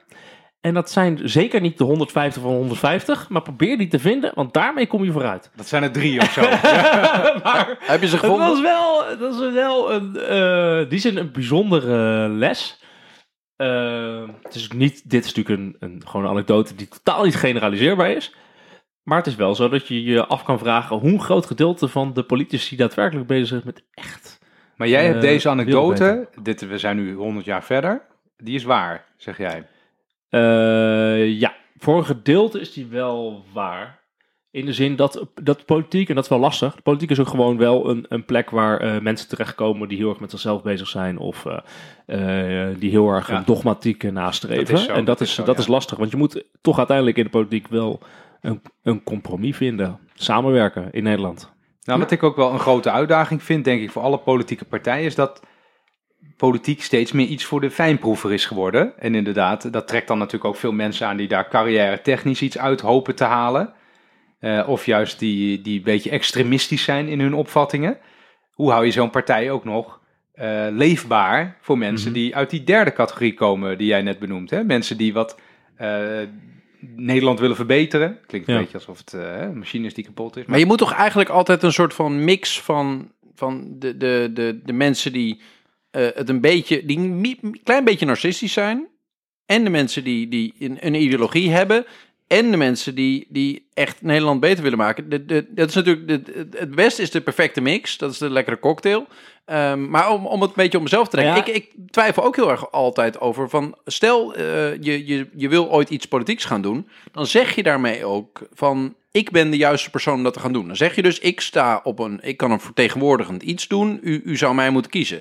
Ehm, jullie hebben ook allebei wel eens iets eh, vertegenwoordigends gedaan. Je moet een bepaalde vorm van zelfvertrouwen of nou, ja, narcisme misschien een beetje overdreven, maar ehm, je moet jezelf durven te verkiezen boven iemand anders. Want je zegt dus gewoon, ik ga dat doen en jullie zouden mij daarvoor moeten kiezen en niet Piet die, of, of Marietje die ernaast me staat. Ja, dat, is, dat klopt. Ik vind dat wel een hele belangrijke toevoeging op de anekdote die ik net vertelde. Dat ik ook wel achter ben gekomen van... Je moet uiteindelijk ook wel besluiten van, inderdaad, van eh, blijkbaar... eh, blijkbaar vindt Randy zich belangrijk genoeg... Ik ga voor Randy als voorbeeld nemen. Ja. Blijkbaar vindt Randy zich belangrijk genoeg om zich te kandideren voor een voorzitterschap. Heeft hij een bepaalde ideologische eh, stelling genomen die hij ook wil, waarmee hij ook aan de gang wil. En dat geeft hem vervolgens voldoende power om, als het goed is, dit te overleven. En daadwerkelijk iets, eh, de wereld eh, ietsje beter te maken, hopen Ja. we, of Den Haag. Randy is een, een middel. Ja, dus je, maar dat moet je wel, eh, je moet wel iets van een bepaald zelfvertrouwen en Ja. ideologie hebben, want anders red je het ook niet. Al dat gedoe en gezeik wat erbij komt kijken, want dat komt gewoon. Dus je moet er ook doorheen komen en dat, eh, dat is meer dan dat je elke keer moet denken, nou ik doe het voor het, eh, voor het goede doel. Nee, er moet ook, eh, je moet ook andere dingen Maar het, gek is, er bestaat wel het idee bij veel mensen die, die nog nooit überhaupt bij een politieke partij langs geweest zijn, of die, die gewoon denken dat die mensen allemaal gek zijn, dat het voornamelijk mensen zijn die met zichzelf bezig zijn, of dat het alleen maar mensen zijn die heel ideologisch bezig zijn en eigenlijk heel weinig eh, ehm, eh, geven om de boel te verbeteren. Volgens mij leveren in ieder geval in mijn omgeving, ik heb wel veel vrienden die helemaal niks met politiek te schaften zijn, die denken altijd van, ja Wouter, wat is het voor onzin wat ze daar doen, eh, waar die mensen de hele dag over hebben. En die willen allemaal gewoon ergens op een lijst staan en dan- dat vinden ze gaaf, want dan komt hun naam in de krant. Ehm, en eh, ik, ik vermoed dat het maar een hele kleine groep is die een soort van sweet spot mix heeft van deze drie factoren. Van, Nou ja, wat het interessant is, dat politiek ook natuurlijk een beetje een red race is. In de zin van, er zijn maar, eh, bijvoorbeeld de Tweede Kamer, er zijn maar 150 plekken beschikbaar. Hè? Ja. Dus eh, de andere 17 miljoen Nederlanders, die kunnen daar niet in. dus, dus dat betekent dat er, te dat, er, dat je iets moet doen om wel op die plekken te komen. En het interessante is dat je niet wordt gekozen op wat je kan. Hè? Dat niet alleen dat. hè. Ik bedoel, je Zo hoeft niet- werkt het niet. nee. je hoeft niet, je hoeft niet, Ja. je hoeft niet een bepaalde achtergrond qua werkend leven of een bepaalde opleiding. Dat is allemaal niet boeiend, hè? Dus je moet, het gaat ook om, eh, inderdaad, van ben je zichtbaar? Eh, Ja. Heb je een bepaald profiel? Tegenwoordig Nou ja, een bepaald gedeelte van het we- land. Kom je goed op een lijst terecht? Dat is natuurlijk heel belangrijk. Als, als, je, als je het gewoon even zegt zoals het is. Als je in Nederland op, eh, in de Kamer wil komen, dan moet je een politieke partij zo gek vinden om jou op een verkiesbare plek te zetten. Ja. Want eh, dan kom je er gewoon in. Je hoeft niet eens stemmen te halen van het volk of zo. Hè? Dat is, die partij die moet nog wat stemmen Ja. halen. Het Ja. concept Jij- verkiesbare plek. hoeft dat niet eh, te hebben. Nee. Klopt, klopt. Maar het is, ik heb het, kijk, die carrière race, ehm, dat herken ik. En dat, dat, verpest, eh, dat verpest de boel een beetje voor mijn gevoel. Want uiteindelijk moet zo'n partij om op een kwalitatieve manier te kunnen bestaan, moet je heel veel mensen hebben die dingen doen gratis. Eh, in eh, die baantjes zoals die afdelingsbestuur of een of andere gratis commissie of allemaal van dat soort onbezoldigde functies. Maar omdat, omdat er zo'n sterke drang ligt op carrière, zie je ook dat mensen soms voor een deel toewerken naar die betaalde functies, die, hè, die shine-functies, waar je het, mannetje plusje. bent, het plusje. En als, dat, als ze dan eh, van dat pad afwijken, dat, dat dat niet meer interessant is bijvoorbeeld, of dat ze het hebben bereikt, ehm, en dat, het, hè, dat ze bijvoorbeeld Kamerlid zijn geworden en daarna eh, gewoon stoppen met politiek actief zijn. En dat vind ik ook de mensen die dus echt de ruggengraat zijn van de politiek in Nederland, in mijn oog, zijn de mensen die bijvoorbeeld na een Kamerlidmaatschap in de gemeenteraad gaan zitten ergens. Mhm. Dat je een stap terug doet en dat dan gaat doen. Eh voorbeeld van eh, Joop den Uyl, die na zijn premierschap gewoon in de Tweede Kamer gaat zitten. Een oud premier in de Tweede Kamer. Nou, Balken had daar geen zin in, bijvoorbeeld. Maar ik geloof dat... nou, je echt, echt van het vak politiek. Maar dit- dit zijn- ja. een staatsman. ja, dan. zijn, wij kennen allemaal dat soort mensen. Dat zijn soort politieke dieren. Die, dat gewoon, dat, die kunnen ook niet heel veel eh, anders. Maar er bestaat ook een soort stigma in Nederland... dat een carrière in de politiek... of eh, alleen maar mensen die alleen maar Den Haag kennen... dat daar iets fouts aan is. Dat dat iets is, iets vies, iets... ehm, eh, je hoort ook wel in, in onze favoriete krant vaak van... ja, maar die heeft helemaal nooit bij een bedrijf gewerkt. Dat is helemaal ik heb dat sentiment ook wel een beetje. Dat je denkt, iemand die alleen maar gewoon die iemand die begint als assistent van een Tweede Kamerlid. En daarna wordt hij assistent van een, wordt hij of zij assistent van een bewindspersoon. En daarna ehm, mag je zelf ergens op een lijst staan. En dan word je ergens eh, gemeenteraadslid, dan word je wethouder. En dan eh, mag je iets moois gaan doen. Nou ja, ik, ik, ik ben er echt van overtuigd dat die verjongingsslag die nu in de Tweede Kamer plaatsvindt, met allemaal fractievoorzitters van onze leeftijd in feite, dat dat niet goed is voor de kwaliteit van het parlementaire werk. Echt Ja. niet. Ehm, en het is niet, dat hangt niet op de individuele persoon van een van die mensen. Je hebt het dan natuurlijk over, om ze gewoon allemaal te noemen, Klaver, eh Jette, eh Marijnissen, Baudet. Baudet. Ehm, Misschien Dijkhoff, ja. Dijkhoff. Dijkhoff ook. Ja, weet je, je hebt ook, omdat die partijen zo uitgedund zijn, eh, zo'n bloedarmoede hebben, hebben die mensen, die heel veel in hun mars hebben, ook niet meer de gelegenheid om in de schaduw van mensen die veel beter en veel verder zijn, eh, rustig te rijpen. En dan eerst een keer hè, eh, backbencher worden in een grote fractie. En dan langzaam, langzaam opklimmen naar de top. Ja, die ruimte is niet, want dus, er is niemand in wie schaduw je kan staan. En dat is wel heel zwak. Want wij zijn nog steeds een, een, een, we hebben nog steeds een systeem wat puur afhankelijk is van politieke partijen. En als je daar niet in investeert. ehm, en ik had dat ook in mijn laatste columnje voor RTL Z een beetje geschreven. Dat, dat, dat- wat we hadden toen die podcast gemaakt over die brede maatschappelijke heroverwegingen. En toen hadden we ook als eh, een van de conclusies dat politieke partijen kunnen dat zelf niet meer. Nee, Nou, het is dus ontzettend zorgelijk. vind ik Toen, wel, toen ja. ben ik een beetje gaan researchen naar die podcast. En dat, dat is dan in die column geland. Mhm. Nederland geeft dus ongelooflijk weinig geld uit aan politieke partijen. Ja. En dat is niet voor de, voor de gouden kranen natuurlijk. Maar dat betekent dat partijen dus ook niet onderzoekers... en weet ik veel wat voor beleidsmensen in dienst kunnen nemen... om na te denken over beleid. En dat partijen dus in een puur afhankelijke positie komen... van tekenen bij het kruisje... wat eh, anderen aan ideeën aandragen... zoals eh, de ambtenarij en lobbyisten. Ja, en dat is, eh, dan investeer als land niet in iets wat je wel onmisbaar hebt gemaakt. Ik vind dat, ik vind dat lijp. Ik snap dat gewoon niet. Maar het komt denk ik ook omdat er in Nederland minder een cultuur is ontstaan van eh, dat je politici gaat zien als mensen die werkelijk weten hoe iets in elkaar steekt. Ja, precies. Ja, in- we, we- we geloven gewoon niet in dat politici ook Nee, kennis het is gewoon kunnen of marketing. moeten Zouden- hebben. zouden kunnen hebben. Nee, Nee, dat is we denken dat- bijzonder dat is als gewoon een een- politicus met kennis. Dat Ja, is in Nederland echt een eh, bijzonder. Terwijl inderdaad, ik ben het met je eens. Je zou eigenlijk zou, eh, zou elke politieke partij een wetenschappelijk bureau moeten hebben met voldoende mensen, voldoende kennis en voldoende geld om echt wat, eh, om echt wat in de melk te brokkelen. Ja. Iedereen doet dat nu met eh, alle, alle liefde en inzet, maar het is natuurlijk eigenlijk veel te weinig. Ja, maar het is allemaal liefdewerk uit papier. Ik had, dus, ik had dus opgezocht wat landen uitgeven. Duitsland bijvoorbeeld geeft beduidend meer uit per inwoner. En dan hebben ze ook nog meer inwoners. Dat betekent dus in de praktijk dat er in Berlijn een aantal hele serieuze, goed bemenste instituten staan waar nagedacht wordt over beleid. En als, als in Duitsland dus iemand een mening moet vormen over. Vind ik goed. Als je niet stikte, wie maar ondertussen. als in Duitsland een partij zich een mening moet vormen over monetair beleid. dan hoeven ze niet alleen maar de banken na te praten. Want ze hebben zelf een paar mensen die zich daar fulltime in kunnen verdiepen. Ja, in Nederland heeft een gemiddeld wetenschappelijk instituut heeft, eh, vier eh, medewerkers of zoiets. Hè? Als je Ja. het, eh, als Nee, je ik, heb, ik ben zelf heel actief geweest bij een, een wetenschappelijk bureau. En dat, dat wordt langzaam uitgekleed. Er wordt steeds minder. En, en als dat wetenschappelijk bureau veel wil publiceren, dan eh, is het vaak maar onhandig voor de partij bij, aan wie het gelieerd is. Want onafhankelijkheid van zo'n wetenschappelijk bureau, dat is eigenlijk maar politiek ingewikkeld. Ja, dat en zie je ook, ja. ja. In, in, het klopt, in Duitsland heb je echt heel. De, de, ook de, in de Bondsdag zitten ontzettend veel mensen die iets aan een universiteit gedaan hebben. De, de helft, is, eh, de, de helft van de ministers in Duitsland is gepromoveerd.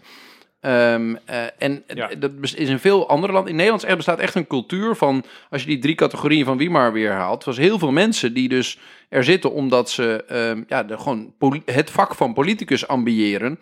En ideologisch eh, ehm, eh, zichzelf heel erg vertrouwen om die boodschap van hun clubje goed neer te zetten. Een soort van frontman of, of women van de beweging. En minder de, degene die heel goed nagedacht hebben en, en op een bepaald thema expert zijn geworden. En, en daarop Nederland beter kunnen maken. Dat, Ja, dat, daar zijn er weinig van. Ik wel vertrouw uit het punt is dat je ziet dat de politici die op goede posities terechtkomen in Nederland, eh, ook ministersfuncties, dat dat vaak toch wel de politici zijn die al lang meelopen in de Kamer en toch echt veel inhoudelijke kennis hebben. Dus het is niet Ja, zo... nee, ik wil niet zeggen dat het aan de top wel niet ook goed gewoon zit. een, een, een piramide en hiërarchie. De mensen die naar boven gaan, die eh, kunnen echt, Ja, maar echt dat- wat. Dat, dat vind ik, wel... Betwist, eh, dat, eh, ik ben het hiermee eens. Ik betwist ook niet dat eh, de mensen die nu aan de macht zijn bijvoorbeeld, hè, of het meest prominent zijn. Tuurlijk zijn die de top van de piramide. Alleen de basis van, en er is inderdaad een piramide, maar de basis van die piramide, die is Ja, is heel veel te smal. Ja, en broos inderdaad. En Dat, dat snap ik gewoon niet. Waar, ben je dan mee, waar ben je dan als land eigenlijk mee bezig? Maar heeft dat dan mee te maken dat misschien je op andere plekken dan bij een politieke partij meer impact kan hebben? En we Nou, hadden het dat net vind ik even een over. terechte vraag, ja. Ja, dat is wel ook een bruggetje. Eh, We hebben nog vijf minuten voor die vraag, vriend. Oké. Kijk, wel, een Nou, podcast maken, daar verander je de wereld niet mee. Met columnjes schrijven verander je de wereld ook niet mee en zo. Eh, maar waarom zou je de politiek in gaan? Want je kan Ja. ook inderdaad een groot bedrijf eh, beginnen. En dan, eh, dan duurzaamheid of bij een bedrijf met duurzaamheid bezig gaan houden. Of je kan af en toe, waar we het net over hadden, af en toe een opiniestukje schrijven of zo. Of iets van een bewegingje proberen te beginnen. Kijken of dat Ja. op termijn iets van effect heeft. Waarom zou je in hemelsnaam politiek in gaan? Dat is allemaal gedoe. Ten Maar van dit- andere plekken Je ziet wel bij onze generatie dat, weet ik veel, purpose. Gewoon iets, iets relevants doen in de maatschappij. En jezelf daar een beetje prettig bij voelen.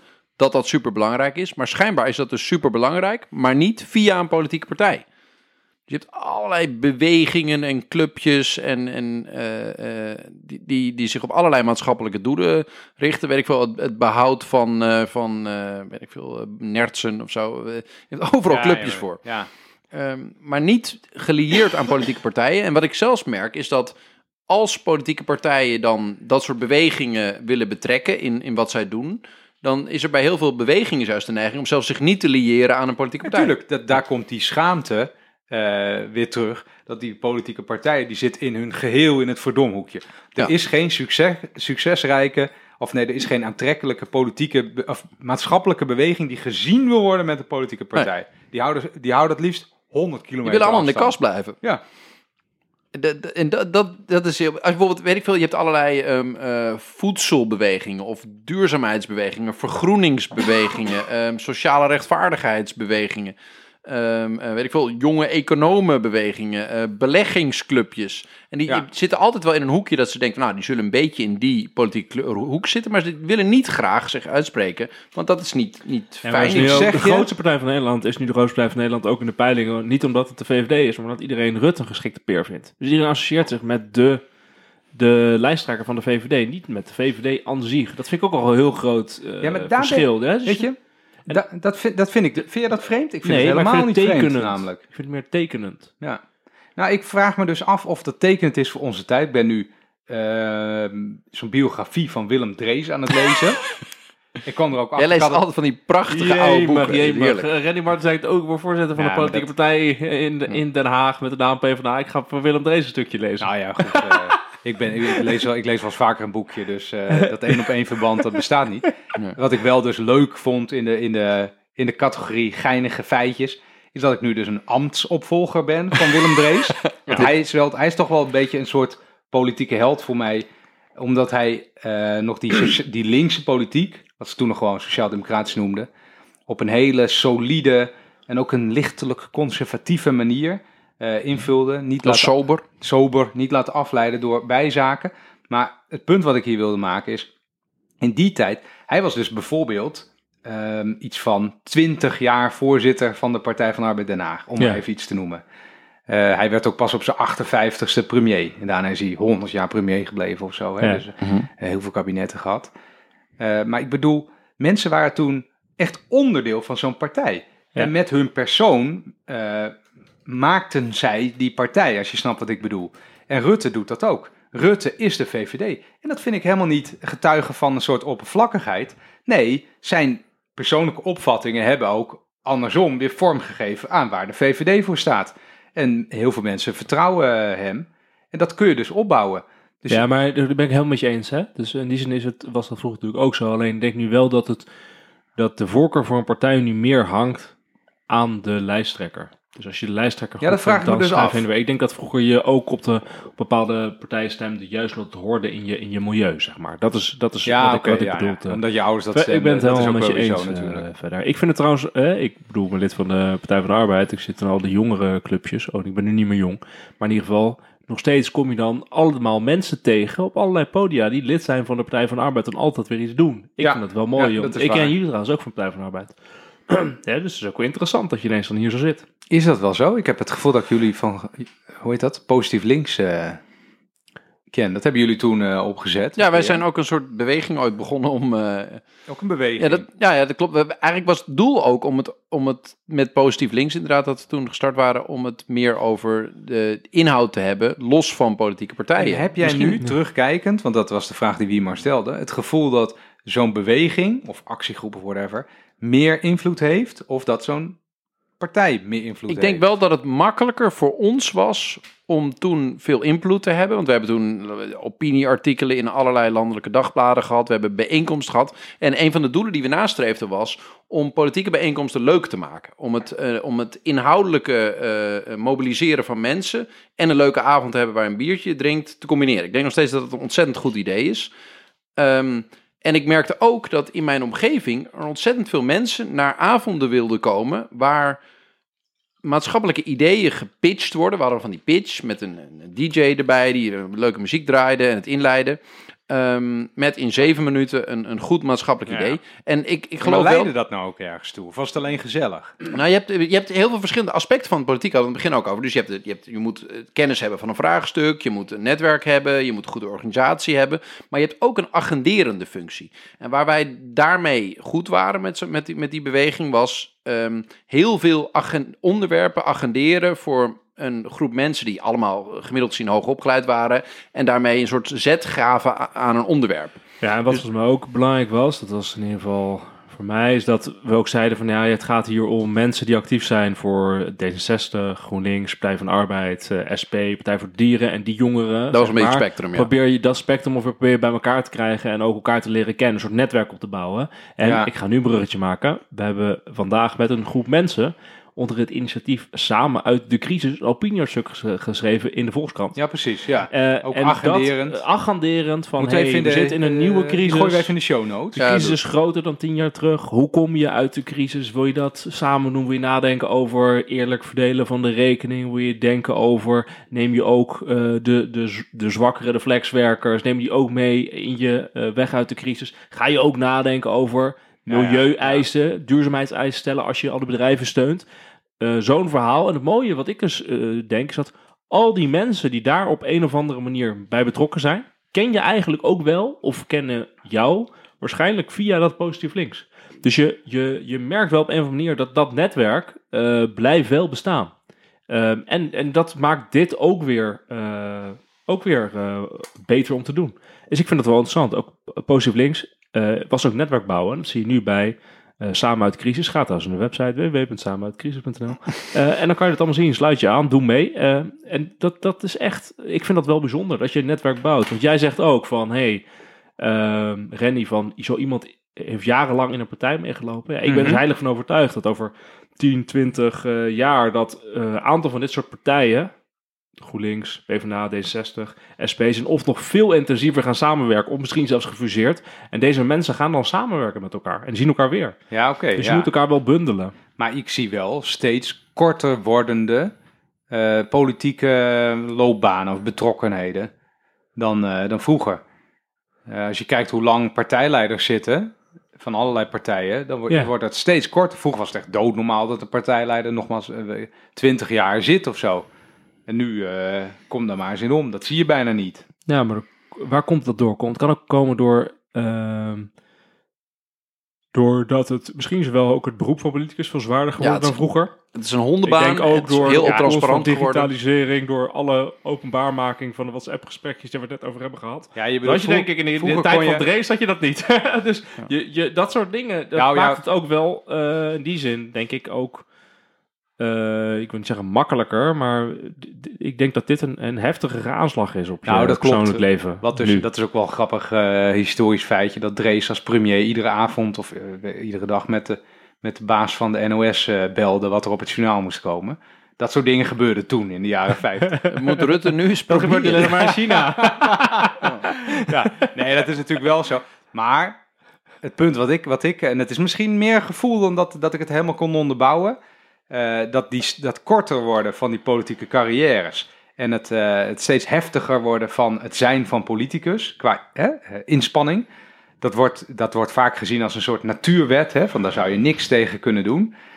Ik vraag me dat af, je, waarom zou je niet het, het vak weer zo kunnen inrichten dat, dat mensen dat ook langer volhouden? ja, ben ik met je. En ik denk, als mensen daar ook veel langer zitten, dan heb je misschien ook eens een keer een minister die geconfronteerd wordt met de gevolgen van zijn eigen beleid. In plaats van dat ze even hun, Ja. hè, hun ei leggen en dat ze weer weg zijn voordat het mislukt.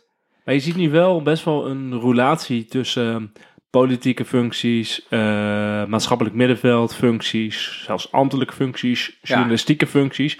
En dat rouleert een beetje, wordt vaak gezegd. Hè? Dus dan is politiek is een opstapplek voor eh, leuke plek bij een maatschappelijke club later, of misschien je bedrijfsleven. Je beschrijft nu gewoon de elite van een Ehm, land. Nou, waarom is dat dan dus nu blijkbaar anders dan, eh, dan 50 jaar geleden? Hoe komt het dat dat eh, meer roleert? Ik vind dat wel een interessante vraag. Want jij zegt politici blijven minder lang op een plek. Maar dat betekent dus ook dat op de andere plekken buiten het politieke systeem mensen minder Ook lang op een plek blijven. maatschappelijke trend, eh, heb Dus je het is natuurlijk een- gelijk in. Ja. Nee, misschien zit er wel een wisselwerking in dat het, ehm, het, het ambt van politicus voor veel beroepsgroepen minder interessant geworden is om te gaan doen. Als je ziet wat, wat gewoon een eh, Piet het Kamerlid, ehm, veel mensen uit de top van het bedrijfsleven halen het echt niet in hun botte harses om die baan te aanvaarden. Eh, Nee. dat Je bedoelt, je verdient minder, je, je hebt verdient minder en je bent, je bent een schietschijf maatschappelijk. En je Ja. hebt je, je, de, echt de illusie dat, ze aan, dat aan de Zuidas meer uren worden gemaakt dan Tweede Kamerlid, dat slaat echt helemaal nergens op. Dat was Die Kamerleden die werken zich helemaal de pleuris. collectieve marketing. Ja, en de, dus ik, ik denk dat er wel een verschil is ontstaan. Dat het aanzien van politici, dat wordt ook wel heel vaak, je hebt vaak het aanzien van beroepen dat gemeten wordt, dat is gewoon gedaald. Ehm, en Ja, of de Dus- aanzien van het bedrijfsleven is verhoogd. Precies, het aanzien van het bedrijfsleven is misschien verhoogd. Maar hetzelfde geldt voor de academische sector of de, de, eh, de, de, de top van eh, journalistieke organisaties. Eh, dat dat Ja. veel mensen die maatschappelijk het debat bepalen, denken het is heel fijn om het debat te bepalen. Of in ieder geval veel invloed uit te oefenen vanuit de functie die ik heb. Maar daar een beetje in, de- in, de- in de volksvertegenwoordiging gaan zitten, hoela. Ja, maar dat is dus interessant, dat wat jij zegt, dat een aantal van de, de grote woorden, pas op, eh, van de pijlers onder de democratie, dus de vrije pers en eh, de volksvertegenwoordiging en eh, eh, de ambtenarij, neutrale ambtenarij, dat, die, dat het aanzien van die beroepen is ernstig gedaald, waardoor mensen ook het korter uithouden in die beroepstakken. Ja, of je minder goede mensen krijgt. Dat klinkt helemaal somber, maar dat, dat, ik denk dat dat best wel een reële hypothese is. Dat er ehm, voor, voor veel mensen best een afweging in zit van waar ga ik mijn carrière op richten. En dat voor veel mensen niet eh, een, een overweging is om iets politieks te gaan doen, omdat het een laag aanzien is. Dat, dat heeft ook wel een. eh, Ja. Ja. terwijl je nu in zo'n crisis als nu toch, eh, ook al zit je bij dat mooie bedrijfsleven, toch wel naar de overheid staat te kijken van, alsjeblieft politici en ambtenaren regelt even voor mij, dat ik wil gered worden. Nou ja, die, die coronacrisis die natuurlijk eh, de- zo ongeveer gebruikt wordt als het bewijs voor iedere stelling eh, Ja. in Nederland momenteel. die, die, nou, die heeft natuurlijk ook veel blootgelegd. Maar die laat, eh, die laat toch ook wel zien dat er nog enorme macht rust bij politici. Een aantal politici, zoals de minister van Justitie, of de, de minister van Financiën, of eh, de minister van Sociale Zaken. Waarvan heel veel mens- mensen in Nederland denken: oh, wie was dat ook alweer? En eh, door, heeft, hoeveel stemmen heeft hij ook alweer gehaald bij de verkiezingen? Nul? Oh ja, nou, niet relevant. Super relevant. Ja, super. Ja, je kan echt, echt. En ik, ik grap ook vaak met, met van die eh, de jongetjes met wie ik dan eh, gestudeerd heb, die eh, iets in de Zuidas of bij een of andere gekke bank of bij een advocatenkantoor zijn gaan doen, die nu heel gelukkig zijn dat ze een dikke leaseauto hebben en een, en een mooi huis. Dat heel gaaf, die baan die je doet, maar uiteindelijk vul je waarschijnlijk Excel-sheets of memo voor, memo's voor een baas. En als wij zaterdagavond bier drinken, hebben we het waarschijnlijk over het maatschappelijke werk dat ik doe of dat, dat politici doen. Dat is gewoon interessanter. En, en dan, ja, ik, ik, heb een soort naïeve hoop dat ook die mensen wel het eigenlijk boeiender vinden wat er wat, gebeurt in die politiek. Dus dat dat misschien wel om kan keren door zo'n coronacrisis, omdat mensen zien van, hé, hey, dit is echt belangrijk. Uiteindelijk gaat het om macht eh, wanneer eh, er stront aan de knikker is. Ja, ik denk wel. Kijk, je ziet, of tenminste, je ziet heel veel dingen best wel een beetje aftakelen. We hebben het heel vaak gehad over een beetje de, de langzame eh, structurele afbraak van de publieke sector. Ja, als je daar, dat is misschien wel het beste voorbeeld daarvan. Dat is namelijk zo gevoelig voor alles wat de overheid eh, besluit, of wat de politiek besluit. Als je daar wat tegen wilt doen, dan zul je toch politieke macht moeten veroveren eh, door mensen die ook eh, capabel zijn, kundig zijn. Eh, en de laatste jaren heb je heel veel politici gezien die, die in mijn ogen, dat was ook een beetje het manco van het kabinet Rutte 2, hè, met eh, de VVD en de Partij van de Arbeid, waarbij de Partij van de Arbeid natuurlijk geacht werd ter linkerzijde dingen te regelen, dat dat toch ook wel wat, eh, wat, wat slapte in zat. Eh, volgens mij hadden ze negen bewindspersonen toen of zo. Zegt hij dat politiek gevoelig? Ah, ik moet eerlijk zeggen dat ik ben het niet eens met jouw stelling dat als jij macht wil eh, krijgen in een land, dat je dan kundige mensen moet hebben. Want ik zie toch wel bewijs om me heen dat dat niet het geval is. Nee, dus, dus Ja, ik stop. moet eerlijk Stop, zeggen. dat klopt natuurlijk. Ja, nee. Wat ik, Ik, bedoel, je moet vooral macht veroveren, dat weet ik wel. Nee, maar je moet, je moet in, op de één been kan niet lopen, zou ik aan zeggen. Wat je, wat je toen zag, en wat je nu ook nog steeds ziet, eh, vind ik, dat stel je voor dat je, dat je een heldere politieke agenda voor ogen hebt. Ja. Dat je al twintig jaar bezig bent en dat je denkt, als ik eindelijk die macht verover, dan ga ik dit, dit en dit doen. Mhm. Eh, en dan, dan word je een keer minister van eh Huppel de Pub. Ja, dan ga je dat doen, natuurlijk. Ja. En je hebt een meerderheid in de Kamer, dus ga je dat doen. En nu zie je toch veel politici, ministers, staatssecretarissen, die komen aan de macht. Die denken, oh, wat hebben mijn ambtenaren geschreven? Nou, laat ik hier maar wat parafen en wat kanttekeningen bij maken. En dat, is, dat, dat, is, dat snap ik niet. Ja, dus wat we doen is eigenlijk niet belangrijk, maar de essentie is eigenlijk dat ik het doe. Ja, en dat ik, dat ik overleef, wat jij al eerder Ja, zei. ja, ja. Dus het worden en het blijven, dat is het doel in zichzelf eh, geworden. En volgens mij, ik, ja, ik voel ergens aan mijn water toch gewoon een terugkeer van echte politiek met de grote P. eh, waarbij je ook weer iets probeert te veranderen in een land. Omdat je anders toch een beetje stuurloos ronddobbert. Ik denk dat wij toejuichen, Randy, jouw eh, idealistische betoog voor de terugkeer van de competente mensen in de politiek. En we kunnen af en toe evalueren hoe het me bevalt. eh. Ja, we kunnen wel eens af en toe even, dat, dit is heel kijken van Randy, dit. wil je Ja. al de deur uitrennen?